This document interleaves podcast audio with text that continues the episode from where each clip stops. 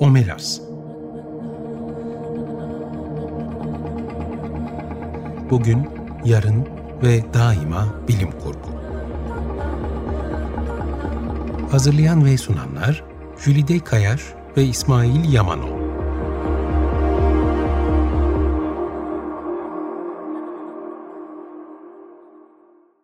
Merhaba, 95.0 Açık Radyo'da Omelas'a hoş geldiniz. Jülide Kayaş ben. İsmail Yamanol. Ee, geçen programımızda e, bilim kurgunun, yerli bilim kurgunun tarihinden söz ederken yavaş yavaş tanzimatı geçtik. E, 20'lere doğru geldik. E, en son e, 1921'de Refik Halit Karay'ın Hülya Buya isimli e, eserinden söz etmiştik. E, ütopyacılıktan, Osmanlı ütopyacılığından söz ettik bolca ama bu ütopyacılık e, Osmanlıların ütopya derdi Cumhuriyet kurulunca bitmiş değil. Tabii ki. O dönemde de sürmeye, etkisini sürdürmeye devam ediyor. Çünkü insanlar hayal kurmaya devam ediyorlar, eleştirmeye devam ediyorlar. E, bir de bir yandan da edebi bir akım öyle hemen bitmiyor. E, başka taraflara da sarkıyor. Onun yankıları oluyor edebiyat dünyasında. Dolayısıyla Cumhuriyet'ten sonra da, Cumhuriyet'in ilanından sonra da o Osmanlı döneminde gördüğümüz ütopyacılık akımın devam ettiğini Evet Biliyoruz. görüyoruz ama mesela e, işte geçen bölümde sözünü ettiğimiz Refik Halit Karay'da olduğu gibi e, örneğin oradaki hikayenin bir kısmı mecliste geçiyor. Artık bir meclis var orada. Bundan söz ediliyor. Yeni toplum Evet. düzeninden de söz etmeye başlıyorlar. değil mi? Yapısı değişiyor birazcık. E, sonra evet e, başka eserler çıkıyor. Mesela 1925'te galiba bir Arziler var. Evet Abdullah e, Abdülhak Hamit Tarhan'ın e, 1925 tarihli e, Arziler e, kitabı var. Burada karşımıza çıkan ki aslında bir tiyatro oyunudur Arziler. E, onu belirtmek lazım. E, Osmanlı döneminde verilmiş bilim kurgu romanlarına benzer şekilde uzak bir geleceği merkezine alan bir kitap yine. Peki nasıl bir gelecekte geçiyor? 40. yüzyılda geçiyor. Bu sefer de 40. yüzyıla zıplıyoruz. E, kitapta aslında ilginç betimlemeler var. Mesela bazılarına örnek vermek gerekirse e, bulutlara kurulmuş fabrikalardan bahsediliyor. Aha. Bulutların üzerine kurulmuş fabrikalardan bahsediliyor. Hizmetçi robotlardan bahsediliyor. E, televizyonlardan, görüntülü telefon görüşmelerinden bahsediliyor. E, öyle bir dünya tasavvur ediliyor ki bu 40. yüzyılın e, İstanbul'una e, teknoloji tamamen baskın durumda, egemen durumda. E, gökdelenleri haber verircesine evler gökyüzüne dek böyle yükselmiş. E, ki bir yandan da işte Amerika'da o New York şehrinin e, ünü de Osmanlı'ya kadar gelmiş o devasa. Bir yandan oraya çok gelip giden oluyor. Şeyler vardır ya bu transatlantik Evet. hikayeleri. Oralara giden o gemi yolculuklarında tanışan yazarlar, sanatçılar Evet. vardır. Oralardan gelen Gelenler. bilgilerle Hı hı. e, böyle tasavvurlar içine girmiş e, yazarlarımız. E, ilginç bir şey de mesela ulaşım çok yük- yüksek hızlı yapılıyor artık. Hatta kitapta e, şu şekilde e, anlatılıyor. Bir anda bir şehirden öbür şehre intikal çok kolay. yani böyle ışık hızı. Bazı gibi. hayaller hiç değişmiyor galiba. Evet. Dolayısıyla e, arziler aslında bu teknoloji bağlamında yani e, fenli edebiyatta, fenli e, edebiyatında ütopya e, yansımalarında o tekno ütopya dediğimiz şeye çok uygun bir kitap. E, hem uzak bir gelecekte geçmesi hem ultra teknolojik bir Osmanlı ve İstanbul manzarası sunması açısından önemli. Bir de tabii o dönemde yavaş yavaş gelişmeye başlayan teknolojilerin de yansımalarını görüyoruz. İşte e, batıda yapılan işte televizyon gibi, radyo gibi bunlar artık ufak ufak e, Osmanlı topraklarında da bahsedilir hale gelince tabii ki bunları kitaplarda değerlendirmişler. Bir unsur olarak hep kullanmışlar. Ama olumlu yönden yaklaşıyor. Çünkü hatırlıyorum Evet. senin sözünü ettiğin Celal Nuri İleri'nin e, eserinde bu teknolojik gelişmeler Evet. Orada olumsuz bir bir temkinli yaklaşıyordu. Evet dikkatli olalım deniyordu. Burada tam tersine aslında bir e, teknoloji güzellemesi var. Hı hı. Yani bu dünyayı e, bir nevi yazar eserinde övüyor. Bir ideal olarak, bir ideal toplum, bir ideal devlet sistemi olarak ön plana koyuyor. O açıdan önemli. Yani dediğim gibi tiyatro oyunu acaba günümüzde sahneleniyor mu ya da bugün buna benzer bir girişimde bulunmuş olanlar var mı onu bilemiyorum. Ya bu tiyatro oyunu olması da enteresan bir mesele. Bak bir sonraki e, söz edeceğimiz Makineli Kafa, e, İskender Fahrettin Sertelli, Behlül Dana mahlası da yazıyor pek çok şeyi. Uzun uzun anlatacağız şimdi de. Onun da pek çok eseri aslında sadece sahnelenmek üzere yazılmış. Hatta ki onların bir kısmı hiç e, kitaplaştırılmamış bile. Ha, Muhtemelen yazık. o dönemde bu şeylerin de olduğu işte direkler arası falan da herhalde evet. o zamanlarda yine bu tiyatro geleneğinin olduğu, operet geleneğinin çok olduğu e, bir dönem. E, mesela şu anda zaman zaman konuştuğumuz şeydir ya bilim kurgu oyunu, tiyatro oyunu eserler evet. çok az. Hani onu sahnelenmesi. Nadiren görüyorum ben de. Değil mi? Duyurum. Çok az. O zaman daha yaygın, daha evet. e, uygulanabilir, daha yapılabilir şeylermiş. Sinemanın da gelişmediği bir dönem tabii. Tiyatro hala baskın evet. sahne sanatı olmaya evet. devam ediyor. E, ardından e, İskender Fahrettin Sertelli dedik. Bu 1928'de makineli kafayı Meşhur e, Evet yayınlıyor. Zaten e, İskender Fahrettin Sertelli çok üretken bir yazar. E, çok kısa bir hayatı olmuş onun da. Dergi çıkarmaya uğraşmış, piyesler yazmış. İşte dediğim gibi bunlar sahnelenmiş ama kitaplaştırılmamış. Bir ara e, Akşam Gazetesi'nde çalışıyor. E, 1920'de şunu yapıyor mesela hapishanede gördüklerim mücrimler üzerine tetkikler. Bunu yazmak için Sultanahmet e, hapishanesinde uzun bir süre kalıyor orada gözlemler yapıyor. Çok üretken e, çok kitaplar yazan işte 1929-43 arası 25 kitap çıkarmış. Derdi şu bildiğim her şeyi e, gençlere aktarmalıyım, halkıma aktarmalıyım, milletime aktarmalıyım, daha iyiye gitmeliyiz. Hep böyle bir hevesle yazılar yazıyor. E, bunlar arasında dediğim gibi çok değişik türlerde polisiye çok e, yazıyor. Karakterleri var. İşte İstanbul'un Arsen Lüpen'i ele geçmez Kadriye. Türk polis hafiyesi Yılmaz, Şeytan Hadiye bu. Zaten e, şeyde m, Türkçe'ye de yani son birkaç yıl önce yine Kara Karga yayınlarından çıktı. Makineli Kafanın hikayesi olarak evet. geçti bu defa kitap. O kitapta da bu üç karakterin e, birer öyküsü yer alıyor. Bunlara dime novel deniyor aslında ya da Erol Üye Pazarcı'nın e, e, Sayın Erol Üye Pazarcı'nın önerdiği şekliyle on paralık öyküler. Bunlar yazıyor. Behlül Dana mahlası mahlası nereden geliyor dersek Behlül Dana'dan biraz söz etmek gerekiyor ki şeyden dolayı İskender Fahrettin Sertelli neden bu takma adı seçmiş? Evet. E, Dana Abbasi halifesi Harun Reşit zamanında yaşamış Sufi bir derviş. Behlül şey demek çok gülen, güldüren, iyi niyetli yani hafif böyle naif, saf anlamına geliyor. Ee, başlangıçta aklı başında bir insan bu fakat ilahi vecde kapılıyor. O kadar bir dini bir vecd haline geliyor ki e, yavaş yavaş e, yarı meczup, yarı deli hale geliyor. Böyle nükteli, iğneleyici şeyler söylemeye başlıyor. Davranışları bir tuhaf oluyor. Fakat her sözünden bir hikmet çıkarılıyor. Bir süre sonra şuna dönüyor iş.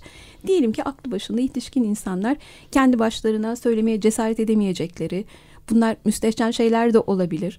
Ee, ya da toplumun genel normuna uymayan şeyler de olabilir. Bunları sanki Behlül Dana söylemiş gibi ona söyletip hikayeleştirip yaymaya başlıyorlar. Takmadın izafi düğünü. evet yani şöyle bir şey oldu da Behlül Dana bunu demişti diyorlar. Aslında kendi fikri ama e, eğer kendi fikri olarak söylese başı derde girecek. Behlül Dana'ya mal ederse ona atfederse başı derde girmeyecek.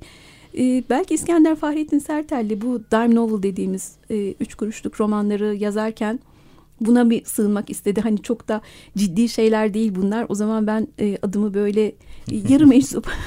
Amerika'da bir dönem bu ucuz dergilerin çok ya, popüler olduğu bir aralık evet. var ya ona da aslında ilginç bir benzeşim var burada. Doğru, doğru. Tam o polisiye romanlarında oldu. İşte bunlar mesela işte ne diyor İstanbul'un Arsène Lupin, Arsène Lupin meşhur bir tip. Tekrar şeye dönecek olursak, makineli kafaya dönecek olursak, makineli kafanın hikayesinde de bir robot var. Bir robot kafası gerçekten. Bu e, dolaştırılabiliyor kucaktan kucağa do kucağına alıyorsun dolaştırıyorsun sahneye çıkarıyorlar bunu. Vantrolog bir kadın var aslında. Onun sonradan vantrolog kadın olduğu anlaşılıyor. İşte robota ne sorarsan sana cevap veriyor. Her şeyi biliyor. Bir e, polisimiz var Şadan memur. E, Şadan Bey bunu gidiyor izliyor gösterisini diyor ki bunun altında kesinlikle bir terslik var. Bu böyle olacak bir şey değil diyor. Onun peşine düşüyor. E, bu sırada da e, bizim robot işte e, gidiliyor Şadan Bey'in evini soyuyorlar mücevherler alınıyor ve sonuçta anlaşılıyor ki uzun lafın kısası bizim robot aslında e, Arsène Lupin İstanbul'un Arsène Lupin'i olan ele geçmez kadrenin bir marifetiymiş ve Şadan Bey'i gerçekten Tonga'ya bastırmış. Fakat buradaki bu robot hikayesi e, çok önemli çünkü e, 1920'de e, Halit Fahri e, Karl Çapek'in e, Rossum'un evrensel robotlarını çevirmiş. Hı hı. Robot kelimesinin ilk geçtiği Carl Çapek'in çok önemli. Evet. E, Rossum'un evrensel robotları 1921'de yazılıyor. 1927'de çevriliyor. Ve şey olarak çevriliyor. Alem Şumul Suni Adamlar Fabrikası. Muhtemelen e, Fahrettin ve İskender Fahrettin Sertel ya da Behlül Dana bunu okuyup bunun etkisinde kalıp hani bu robot hikayesini kurguluyor. Bu bakımdan da e, önemli. Şeyi göstermesi açısından da önemli. Geçen programlarda hep söz ettik. Jules Verne çevirileri var, Wells takip ediliyor ama Karçapek'in 1921'de çevirdiği, yazdığı eser çok önemli. Robot kelimesinin evet, ilk geçtiği. Tarihi bir eser. Onu atlamayıp çevirip paylaşmış olmaları ve buradan yola çıkarak yeni eserler ortaya verilmesi. Ya Avrupa'yı da takip etmeleri, orada neler üretiliyor, e, neler yazılıyor diye bunları araştırmaları. Değil mi? Çok ilginç. E, yani şey biz hep böyle tarih kitaplarında Osmanlı bir dönem içine kapandı deriz ya aslında o kadar da kapanmamışlar. Yine dünyadan haberi olan çok sayıda insan varmış özellikle münevverde. Hele hele bilim kurgu gibi hani bu ıı, edebiyatın en uç noktaları diyeceğimiz alt türleri diyeceğimiz evet. bir türü takip etmeleri, buradan ilham almaları ve kendi kültürleriyle, kendi birikimleriyle bir araya getirerek yepyeni eserler ortaya koymaları çok önemli. Evet. evet bize de umut veren bir şey. devamının da geleceğini göstermesi bakımından. Doğru. Ee, tabii işte Osmanlı'daki ütopyacılık akımı Cumhuriyet'in e, ilk yıllarında o erken dönemlerine kadar da sürmüş. E, bu dönemde az sayıda eser verilmiş. Dikkat edersen e, daha önceki dönemde daha fazla eserden bahsettik ama bu dönemde öyle çok fazla eser karşımıza çıkmıyor. Nadir örnekleri var. Bu örneklerden biri de e, Vedi Bilgin'e ait Rüya mı Hakikat mı? Hı hı. E, adında bir kitap. E, 1943 tarihli. E, aslında bizim Türk bilim kurgu edebiyatımız açısından önemi 1928'deki harf devriminden sonra yazılmış ilk roman olması tamamen Latin harfleriyle yazılmış olması e, onu bir e, tarihi bir öneme getiriyor. E, tabii e, Vedi Bilgi'nin e, Muallim Ahmet Halit Kitabevi tarafından basılan bu ilginç kitabı e, günümüzde baskısı olmadığı için ben kolayca spoiler verme taraftarıyım çünkü bulunmuyor gerçekten. E, sahaflarda bile bulması çok güç bir kitap. Neyse ki ben zamanında onu tesadüfen bulup almıştım da oradan biraz konusuna hakimim okumuştum. E, bir dönem e, şeyden de bahsettik yani hapnamelerden geçen programda. Evet rüya anlatıları. Evet. Bu da aslında bir rüya anlatısı. Rüya mı hakikat mi diyor zaten. Çünkü e, dediğim gibi spoiler vereceğim. Kitabın sonunda her şey bir rüya çıkıyor. e, peki kitap ne anlatıyor? Şimdi kitabın geçtiği özellikle o tarihi dönemi birazcık e, anlatmakta yarar var. E, işte Dünya Savaşı dönemi. Zaten dünya karışık hem ekonomik olarak hem e, politik olarak hem toplumsal olarak e, milyonlarca insan ölüyor, hala ölmeye devam ediyor.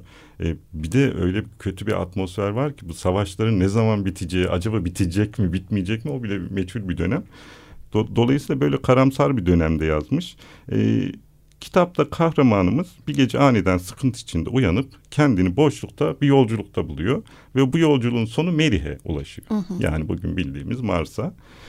Ee, Burada birçok teknik icada şahit oluyor. Çünkü Mars'ta bir uygarlık var. Bayağı da gelişmiş, ileri bir uygarlık var. Onların içine karışıyor. Onların icatlarını gözlemliyor. Ee, ve hatta onlarla yaşam ve felsefe üzerine sohbetler yapıyor. Ee, dünyadaki durumu anlatıyor onlar. İşte böyle savaşlar var, milyonlarca insan ölüyor falan diye. Onlar bize çok üzülüyorlar, acıyorlar, vah vah diyorlar. Ama bir yandan da yani siz buna müstahaksınız demeye getiriyorlar. Çünkü kar karakterimizin onlara anlattığı şeyden bu çıkıyor. Biliyorsunuz çok da rahat durmayan bir uygarlığız maalesef geçmişte. Büyük hatalar yapmışız. Dolayısıyla bu e, felsefi söyleşiler karakterimizi çok etkiliyor. İnsanlığı sorgulamaya başlıyor. İçinde yaşadığı o dönemi, o koşulları sorgulamaya başlıyor. Biz neden bu kadar gelişmiş bir uygarlık kuramıyor? Nerelerde yanlış yapıyoruz? Bunlar üzerine tahliller yapıyor.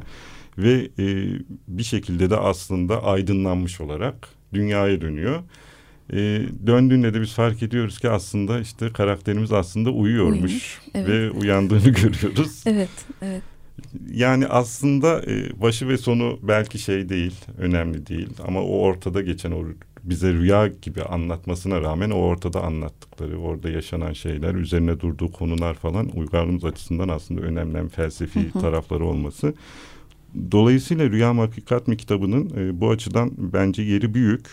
Bir de şey e, de önemli galiba bahsettiğin yeni harflerle Latin harfleriyle Evet, basılan ilk o. bilim kurgu kitabı. Biraz önce e, hani sadece bahsini ettik ama bugüne kadar bahsini ettiğimiz kitaplar örneğin bu makineli kafanın hikayesi evet Kara Karga yayınlarından çıktı ama bunların hepsi e, Osmanlıcadan eski harflerden yeni dile aktarıldı. Merve Köken hatta Evet. aktaran. Buna da işte çeviri yazım deniyor o şekilde aktarılan Hatta iki kitaplar. aşamalı yapılıyor genelde onlar. Birisi Aktarılıyor. çevirir, birisi sadeleştirir. Sadeleştiriliyor. Do- evet. Dolayısıyla bazen şey de olabiliyor hani bir çeviri eseri Türkçe'ye kazandırmak e, sadece bir çevirmenin yapabileceği bir şeyken burada iki Çok farklı zahmetli oluyor. zahmetli olduğu için bazen insanlar soruyor bu eserleri neden Türkçe modern haliyle göremiyoruz diye. Biraz zahmetli bir de e, bir kitabı aktarabilecek kadar yetkinliğe sahip insan Evet. bulması falan da zor olduğu Baskısını için. bulamıyorlar bazen. Silik Evet. oluyor baskılar. Tabii çok kötü. şeyler. Yani bunların zaten işte herhangi bir yerde dijital baskısı falan da olmadığı için onları bir kağıt üzerinden ki eski yazı ki Evet.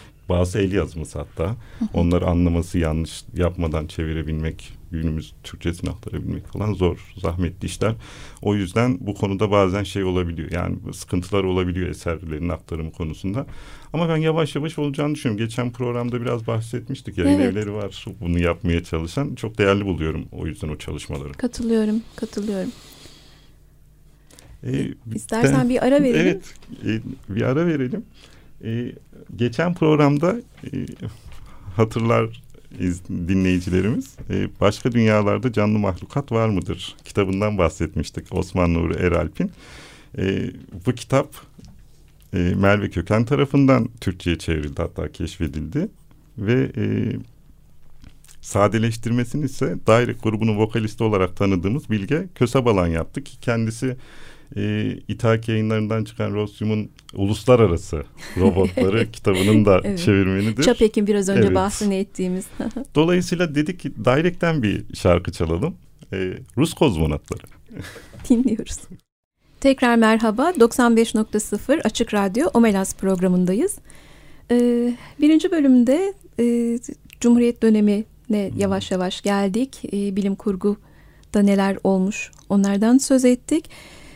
Bu ütopyacılık hani pek çok ütopik eserden söz ettik. Teknolojik ütopyalardan, dini ütopyalardan kurgulamışlar, hayal etmişler, yazılmış, batıdan etkilenmişler. Jules Verne'den, Wells'ten ve diğer yazarlardan, Çapek'ten e, ilham almışlar. Peki bunların bizim toplumsal hayatımıza etkileri ne olmuş? ne dersin bu konuda? Güzel bir soru aslında.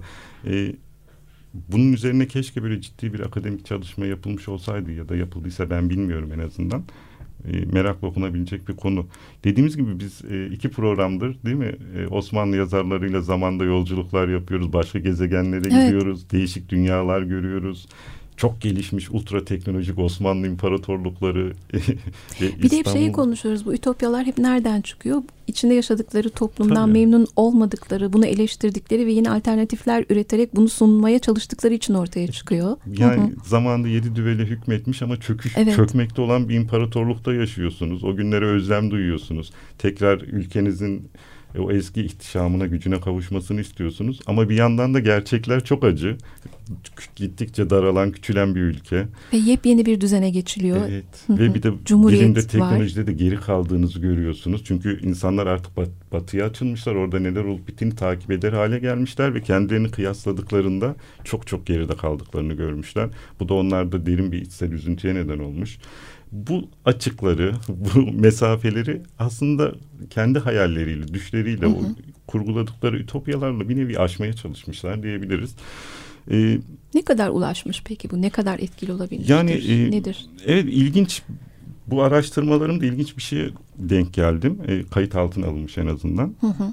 Mesela Abdullah Cevdet var ki kendisi e, dönemin ünlü çevirmen ve aydınlarından da biri, yazarlarından da biri.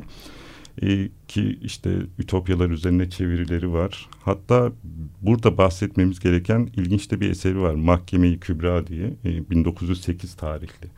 Epey de eskiye dayanan e, bir eser. Bir risale aslında. Risale küçük kitapçık. Hı hı. Ee, burada ilginç bir e, kurgu yapıyor. Aslında bir, bir nevi ütopyada diyebiliriz.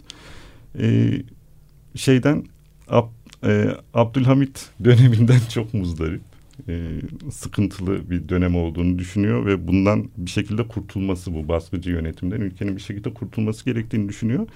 E, Mahkeme-i Kübra'da da aslında bu düşüncesine hareketle bir cuma namazı, Ayasofya'da bir cuma namazı sonrasını anlatmış. Hı hı. E, bu cuma namazında işte hem ülkenin önde gelen yöneticileri var hem de başlarında da Abdülhamit var. E, ikinci Abdülhamit. E, tam böyle cuma namazı bitiyor. Herkes dağılacakken e, Hazreti Muhammed beliriyor Ayasofya Camii'nde. Ve durun diyor e, sizleri ben yargılayacağım.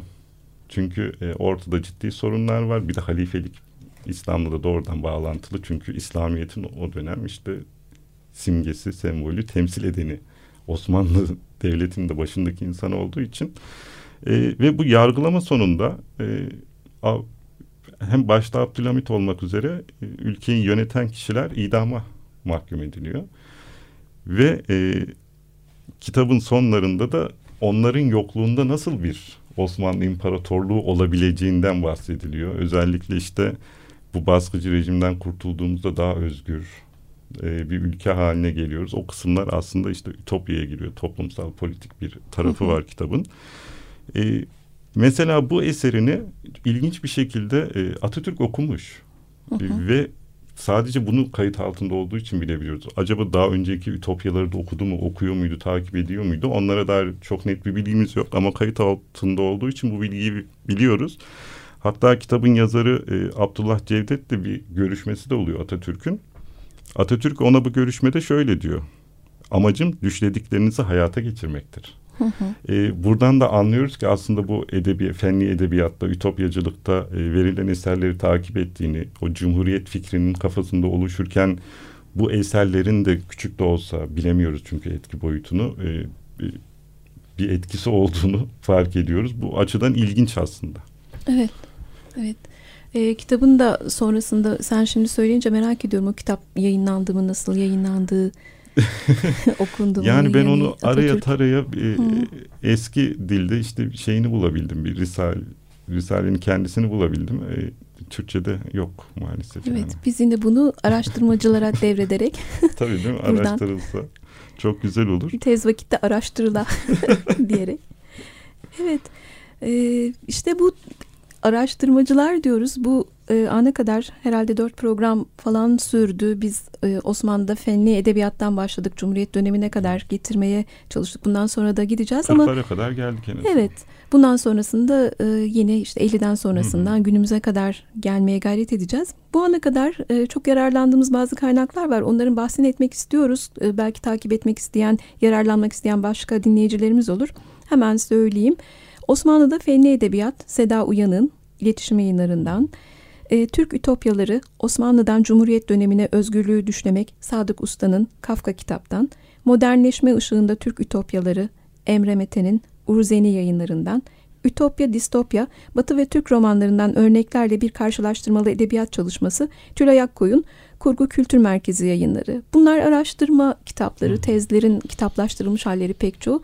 Bunun dışında tabii diğer bahsettiğimiz programlarda eğer e, zaman zaman geçen e, dikkat ederseniz kitaplar Türkçeleştirilmiş sonradan yayınlanmış diğer kurgu eserler var. Onları da okumayı, edinmeyi düşünebilirsiniz. Ee, Yine süremizin sonuna geldik. Evet.